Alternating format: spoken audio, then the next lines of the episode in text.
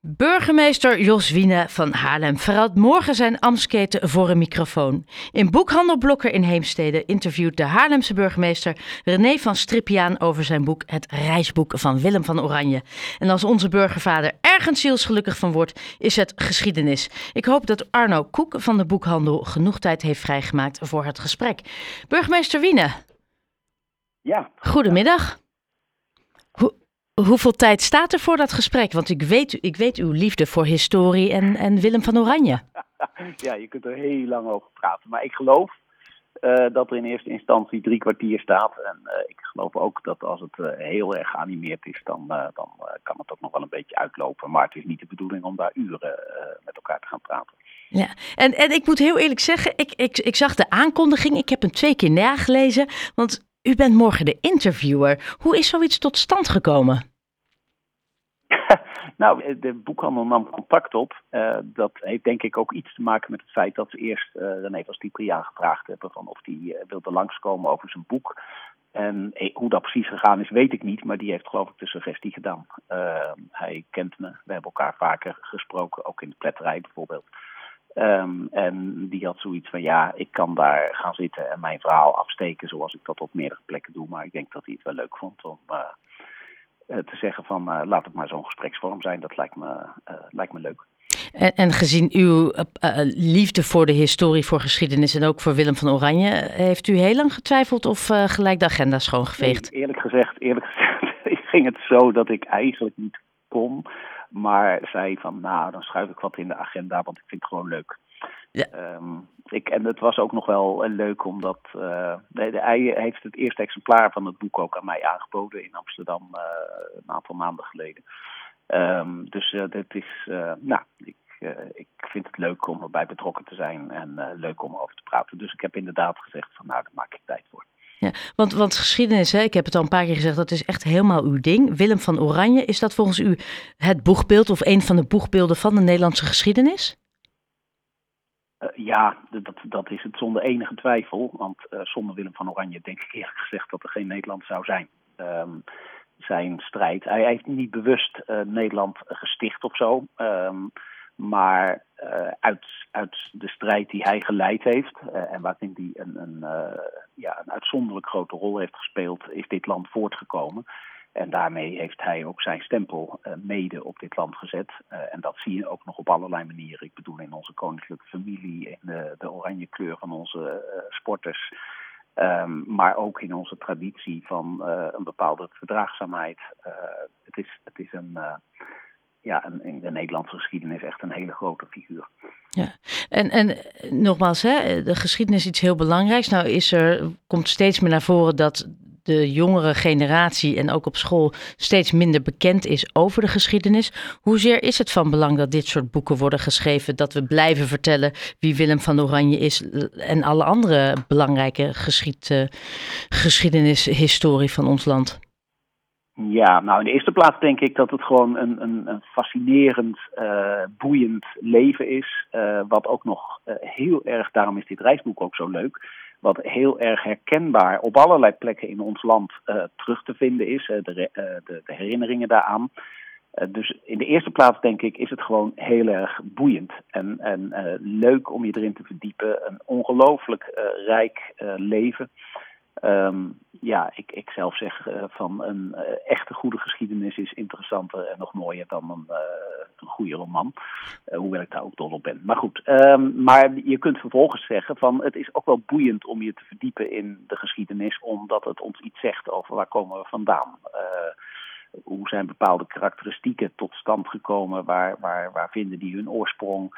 Um, en dat, ja, dat is volgens mij ook echt de moeite waard om je daarin te verdiepen. Het gaat er niet om dat je zonder de geschiedenis te kennen hier in dit leven niet, niet uh, vooruitkomt of zo. Maar het is wel uh, een toegevoegde waarde.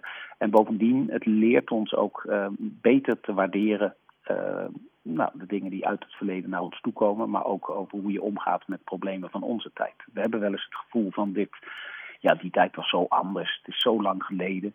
Maar de issues waar toen uh, ja, op leven en dood uh, echt over gevochten werd, hebben alles te maken met thema's die ons vandaag de dag nog steeds bezighouden. Van de, de vrijheid, de grenzen aan de vrijheid, de, bedraagzaamheid. Hoe ga je om met mensen die totaal andere opvattingen hebben als jij zelf? Hoe ga je om met polarisatie in onze tijd? Um, met dwang. Um, maar ook, uh, ja, hoe, hoe uh, vind je zelf in een land met zoveel verschillende mensen en zoveel verschillende opvattingen uh, toch ook een basis van gemeenschappelijkheid? Um, en als je daarna gaat kijken, naar de geschiedenis van toen, dan vind je daar heel veel aanknopingspunten waarvan ik denk dat is ook in onze tijd nog steeds de moeite waard, inspirerend. en helpt ons nadenken over de problemen van onze eigen tijd. Ja, ja, en nou ja, we weten allemaal in welke wereld we nu leven. Dus misschien is het nu relevanter en nog belangrijker dan tevoren. Um, u zei dat, het. Dat, dat, is absoluut een feit. Ik denk inderdaad dat wij. We hebben denk ik heel lang een gevoel gehad van nou, verdraagzaamheid, dat is een soort van zelfsprekendheid van de moderne samenleving. Dat, die, dat hebben we toch wel gehad eigenlijk. Maar op dit moment is er nog steeds in Nederland een grote politieke partij die, die ervoor pleit om. Uh, een heilig boek van een godsdienst te verbieden om, om uh, de gebouwen van uh, die godsdienst. Over welke partij heeft u het dan? Uh, dat gaat in dit geval over de PVV. maar goed, er zijn ontwikkelingen. Want ik geloof dat, dat de PVV zegt: nou ja, we kunnen het misschien ook wel een beetje inslikken. als we dan een beetje mogen meeregeren. Maar goed, dat doet het me nou niet toe. Maar het gaat erom dat de vanzelfsprekendheid waarmee we heel erg lang hebben gezegd: van ja, ach, in onze tijd zijn we gewoon verdraagzaam dat we constateren dat uh, in de wereld, maar ook in Nederland, het helemaal niet zo vanzelfsprekend is als we lang gedacht hebben. Bent u daarvan geschrokken? Nou ja, ik, dat is natuurlijk een deel van de samenleving uh, en je ziet het en je ervaart het soms ook. De neiging om te zeggen van, nou ja, de manier waarop wij er naar kijken, dat is de goede manier en anderen die deugen niet. En hoe ga je daar dan mee om? Um, je schrikt er wel een beetje van dat je zo gemakkelijk uh, iets waarvan je dacht, dit hoort bij ons DNA, dit hoort gewoon bij Nederland, uh, dat het een verdraagzaam land is, dat godsdienstvrijheid boven iedere discussie staat, uh, dat dat plotseling zomaar ter discussie kan worden gesteld en dat dat ook nog best wel aardig wat aanhang heeft. Um, ik denk van jongens, kijk uit, dit is iets kostbaars. daar is toen heel erg over gevochten en um, dat is toen met moeite uh, hebben we een manier gevonden om in dit land met al die verschillen om te gaan. Uh, en dat heeft lange tijd gekost voordat we kwamen waar we uiteindelijk uitgekomen zijn. Um, wees er ook een klein beetje zuinig op. Ja, ja, nee, ik, ik vind het heel mooi hoor. Vooral ook omdat heel veel mensen denken: hoe, komt dit, hoe komen we weer bij elkaar? De polarisatie is op het ogenblik echt enorm. Men weet elkaar niet te vinden. De verbinding is even zoek. Hoe vinden we die verbinding weer, als ik dat dan nu mag vragen?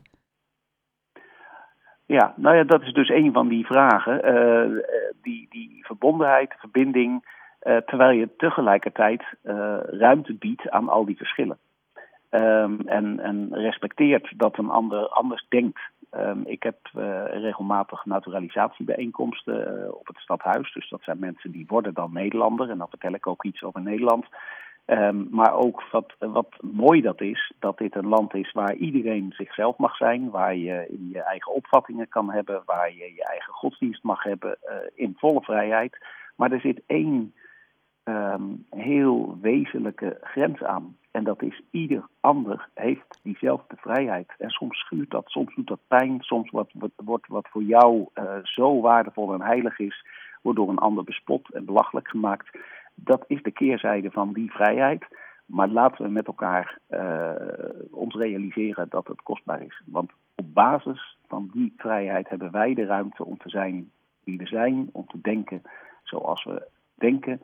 Uh, en dat geldt ook voor anderen. Um, en ja, dat, dat, moeten we elkaar toch regelmatig voor ogen houden. Uh, de ruimte die je zelf wilt hebben, zul je ook een ander moeten geven. En anders dan wordt het een strijd van, van iedereen tegen, tegen alles. Ja. Ja, nee, ik vind, ik vind het een prachtige opvatting en zo zou iedereen erin moeten staan. Het is alleen op het ogenblik lijken we elkaar een beetje uit het oog te zijn verloren. Um, maar nog even het, het terug, want vanavond, uh, voordat u morgen dus in Blokker uh, in Heemstede zit, heeft u vanavond ook nog een druk programma. Uh, en dat staat ook in het teken van de geschiedenis, want dan wordt vanavond in de bibliotheek in Haarlem een rapport gepresenteerd over koloniaal Haarlem. U kunt nog niet te veel vertellen over het rapport, want dat is onder embargo tot vanavond. Wat kan u wel al vertellen over vanavond, over het rapport? Wat kan u kwijt? Ja, nou in de eerste plaats dat het de vorm gekregen heeft van een boek. Een boek wat straks ook gewoon te koop is en, en heel mooi is uitgegeven. Dus wat dat betreft is het zeker de moeite waard. Ehm, wat er vanavond zal gebeuren, dat is dat er een uh, soort, soort inleidende toespraak is van professor Den. Dat is een groot kenner van het Nederlandse slavernijverleden. Uh, en die, die, die zet het als het ware in een bepaald kader. Want dit gaat dan specifiek over Haarlem. Maar hij vertelt het, het, het bredere verhaal. Ook over hoe we daarmee omgegaan zijn lange tijd in Nederland. Uh, daarna wordt er door de schrijvers uh, wordt, zeg maar iets van de inhoud van het boek gepresenteerd. Daarna wordt het boek aangeboden. En daarna zal ik zelf reageren en, en een aantal opmerkingen maken, observaties maken naar aanleiding van, van dat boek en naar aanleiding van het thema. En dat thema dat is van ja, de, de betrokkenheid ook van een stad als Haarlem, die, die geen hoofdrol gespeeld heeft in deze geschiedenis. Dat is ook onmiskenbaar, maar die wel gewoon deel uitmaakte van die geschiedenis. En hoe kijk je daar nu naar? Uh, en wat ik in ieder geval ook wil doen, ook namens het college, dat is als het ware in de spiegel kijken. Want het is heel gemakkelijk om te zeggen, nou ja, dat is toch eigenlijk heel vreemd dat dat in het verleden voorkwam of zo. Um, maar als je er dieper over na gaat denken, dan zie je dat er in de wereld toch nog wel heel veel verschijnselen zijn die nog heel erg lijken op, uh, op wat er toen speelde. Kolonialisme, uh, slavernij, uitbuiting van mensen, mensenhandel. Um, de wereld is niet zoveel anders als we misschien wel graag zouden willen. En uh, dit boek laat in ieder geval zien van dat er toen in Haarlem meer van terug te vinden was dan, dan ons misschien nu lief is. Maar het laat tegelijkertijd zien van het, ja, het is in onze tijd ook niet heel wezenlijk anders als het gaat om de verhoudingen in de wereld, de manier waarop de wereld in elkaar zit en ook onze rol en verantwoordelijkheid daarin. Wat dat betreft vind ik ook dat er helemaal geen reden is om van onszelf te vinden dat wij dat nu tegenwoordig allemaal zo fantastisch zien en zo fantastisch doen. Um, want wij leven in een wereld waarin nog steeds mensen leven in slavernij en waarin ik, ik, ik krijg bijna een beetje het gevoel dat we eigenlijk van de geschiedenis helemaal niet zo heel veel. dat het verschil tussen de geschiedenis en heden helemaal niet zo veel veranderd is. En hoeveel hebben we dan geleerd? Hoe, hoe ver zijn we opgeschoten nou ja, dat, dan? Dat, dat, nou, dat, dat, dat is een hele mooie vraag. Daar kun je ook heel lang over, over discussiëren, over nadenken. Want er zijn in de, in de 20e eeuw dingen gebeurd waarvan je denkt van jongens, dit is verschrikkelijker dan, dan uh, we in de eeuwen daarvoor gezien hebben. Um, en dus, dus zo geweldig leren wij niet van de geschiedenis. Maar tegelijkertijd zie ik ook wel van er zijn uh, stappen die we zetten en waarin we uh, dingen onder ogen zien. En ik denk dat we heel lang voorbij gekeken hebben aan dit aspect van de geschiedenis. Uh, het was toch iets waar we niet echt heel erg bij stilstonden. We wisten het wel en het stond ook wel in de boeken van, nou ja, dat was slavenarbeid. En, maar goed, dat is allemaal lang geleden en dat is, dat is achter ons. En dit boek laat zien van ja, voor de mensen van die tijd uh, was dat waarschijnlijk ook nauwelijks iets waar ze uh, hier in Europa veel over nadachten. Ze profiteerden er vooral van. Um, en waren er op een bepaalde manier ook bij betrokken, uh, maar op afstand. En als je dan vervolgens in de spiegel kijkt en gaat kijken van hoe zit dat dan eigenlijk in onze eigen tijd, dan denk ik van nou, er zijn best wel heel wat fenomenen in deze wereld waar wij rechtstreeks mee te maken hebben. Uh, en die toch ook best wel lijken op de verschijnselen waar we vanuit, als, als het over het verleden gaat, van zeggen van dat, uh, dat was toch niet zo best. Um, dus ja, hoeveel we daarvan leren, dat is de vraag die we zelf zullen moeten beantwoorden. Dus wat ik hoop, dat is dat uh, dit boek niet een soort sluitstuk is van, nou ja, nou hebben we even een aantal dingen op een rij gezet en dat weten we dan weer. En dan gaan we over tot de orde van de dag. Maar dat het ons ook helpt om de discussie te voeren over nou, de wereld van toen en de wereld van nu. En onze verantwoordelijkheid in de wereld van nu. Uh, onze rol in de wereld van nu.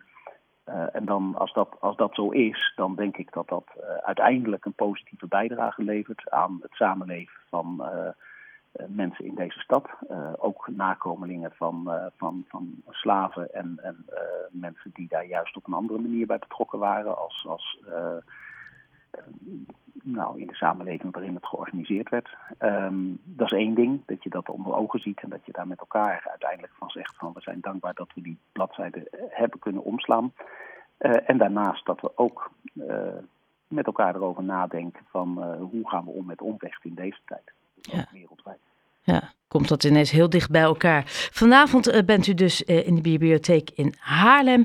Ehm, het boek zal daarna ook te koop zijn. Morgen bent u in boekhandel Blokker in Heemstede vanaf 4 uur. Volgens mij is, is, de toegang is vrij. Wel van tevoren even reserveren. En dan zien we u in, nou ja, eigenlijk op mijn plekje zitten als interviewer. ja, dat is, dat is ook wel eens leuk. Ik heb het wel eens vaker gedaan trouwens voor interview houden. Ja. Hier in Haarlem in de bibliotheek, dat was uh, ook wel grappig. Uh, Frank van der Linden, bekende Haarlemse journalist. Uh, die ongelooflijk veel mensen op een fantastische manier heeft geïnterviewd. en die toen naar mij vroeg van, wil je mij eens interviewen? En dat was toen ook best een leuke ervaring. Dus ik kijk er naar uit. Ja, heel veel, heel veel succes, heel veel plezier en dank u wel voor uw tijd. Ja, bedankt. Graag gedaan. Dag.